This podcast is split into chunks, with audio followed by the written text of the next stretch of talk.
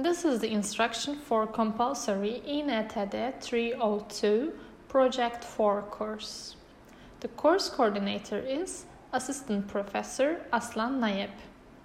Within the scope of this course, it is asked to design a bank branch in a 6 to 800 square meters area.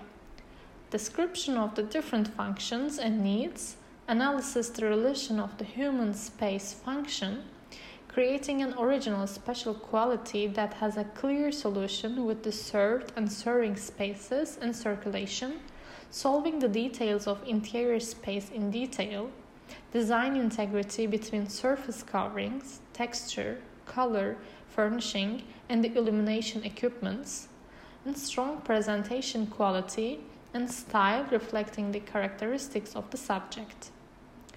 The aim of this course is to solve complicated design problems concerning multi story buildings by using acquired interior design skills and presenting original solutions, maintaining technical, economical, material, and aesthetic values. I wish you a successful semester. Good luck.